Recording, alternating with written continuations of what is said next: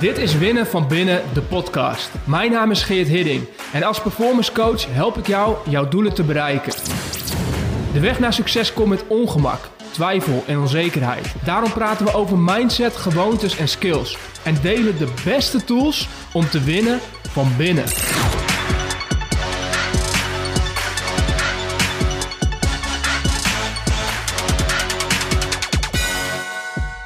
En we hebben het deze week over het ego. En daar is uh, heel veel over te zeggen. Er zijn ook heel veel verschillende definities van. Uh, daar gaat een hele wereld achter schuil. Maar in deze serie volgen we de definitie die Ryan Holiday geeft in zijn boek Ego is de vijand. Daarin benoemt hij het ego als een ongezond geloof in onze eigen belangrijkheid.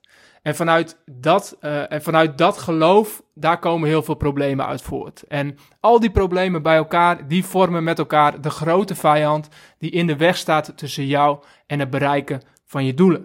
Uh, en in deze afleveringen deel ik mijn inzichten die ik haal uit dit boek.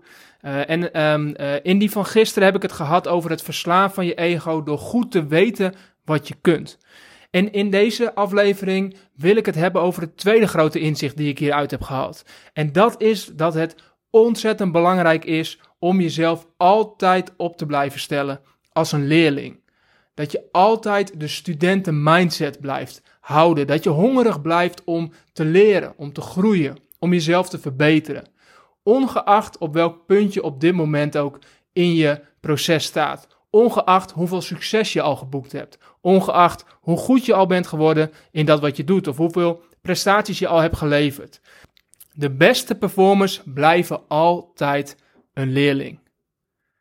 Ze zijn hongerig om te blijven leren en te blijven ontwikkelen en voelen zich nooit te groot om gecorrigeerd te worden, om feedback te ontvangen.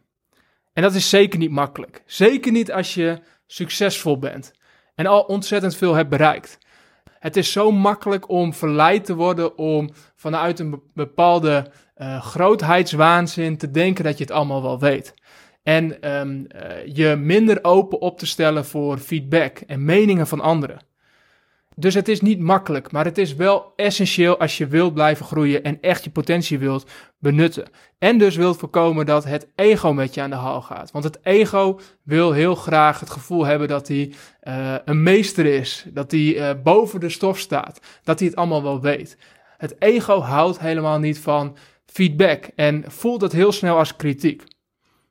En mooie voorbeelden, en die vind je ook terug in het boek, vind je terug in de vechtsport. Want daar is de rol van leerling en leermeester heel duidelijk. Ik moet dan altijd denken aan uh, Karate Kid, een van mijn favoriete films van vroeger, uh, waarin uh, Mr. Miyagi de leermeester is van Daniel San. En die rolverdeling is in de vechtsport, zie je die continu terug. en daarin zie je ook dat proces waarin iemand hongerig is en gretig is om nieuwe dingen te leren. Uh, en als vechter ja, kun je niet anders dan jezelf blijven ontwikkelen. Als vechter kun je niet verslappen op welk punt je dan ook zit. Hoeveel wedstrijden je dan ook hebt gewonnen. Uh, als je stopt met jezelf op te stellen als een leerling, ja, dan kost het je je kop. Dan is de kans groot dat je uh, skills achteruit gaat. Of dat je minder scherp bent. En dat je je tegenstander onderschat. En dat je daarmee je ondergang tegemoet gaat. Dus voor vechters is denk ik een, van de duidelijkste voorbeelden om te kijken naar vechtsport en daarin te zien hoe belangrijk het is om nederig te blijven en altijd jezelf te blijven opstellen om te blijven leren. Rico Verhoeven, mooi voorbeeld daarvan, werkt elke dag nog steeds keihard om zichzelf te verbeteren. Ook al ben je de beste van de wereld, dat maakt het volgende gevecht totaal niet meer uit. Dus hij moet wel die mindset blijven houden om te blijven winnen. Of om te blijven ontwikkelen. Die groeimindset is ontzettend belangrijk. In dit boek staat een concept die mij heel erg aanspreekt in dit kader. En het is een systeem dat bedacht is door zo'n bekende vechter, Frank Shamrock. En ik moet je heel eerlijk zeggen, ik kende die guy niet. Um, uh, ongetwijfeld een, uh, een grootheid in de vechtsport. Zo bekend ben ik daar niet mee. Maar wat hij deelt, vind ik wel super interessant. Want hij schijnt dus een systeem te hanteren om vechters te trainen. En dat systeem noemt hij plus, minus en gelijk. En hij zegt dat iedere vechter om groot te worden iemand nodig heeft die beter is dan hij om van te leren. Dus dat is al iemand die die verder is, die beter is, die uh, op een next level staat. Dus dat is de plus. Daarnaast moet iemand ook, moet diegene ook iemand hebben die minder goed is om les aan te geven. Dus dat vond ik ook een supermooie gedachte. Dus het gaat niet alleen, de leerling mindset gaat niet alleen over leren van mensen die beter zijn, maar het gaat ook over het doorgeven van kennis of het doorgeven van skills.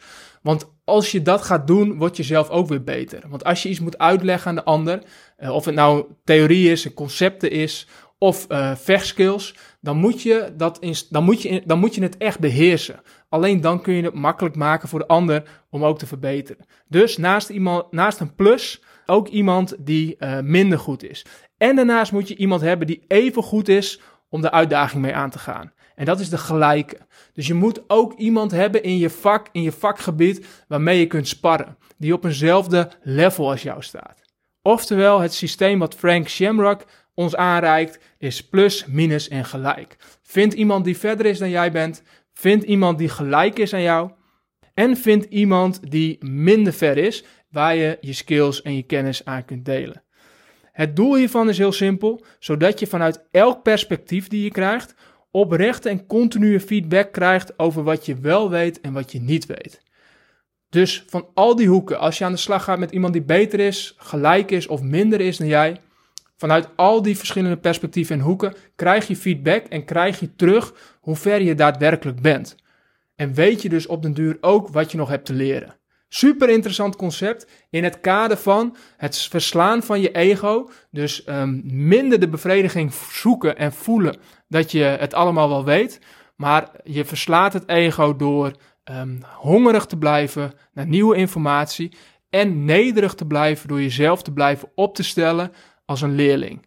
Hou die studentenmindset vast, zodat je je doelen kunt blijven bereiken. Thanks voor het luisteren naar Winnen van Binnen, de podcast. Ik hoop dat je er minstens één nieuw inzicht of idee uit hebt gehaald. Wil je op de hoogte blijven van nieuwe afleveringen? Schrijf je in op geerthidding.nl slash podcast.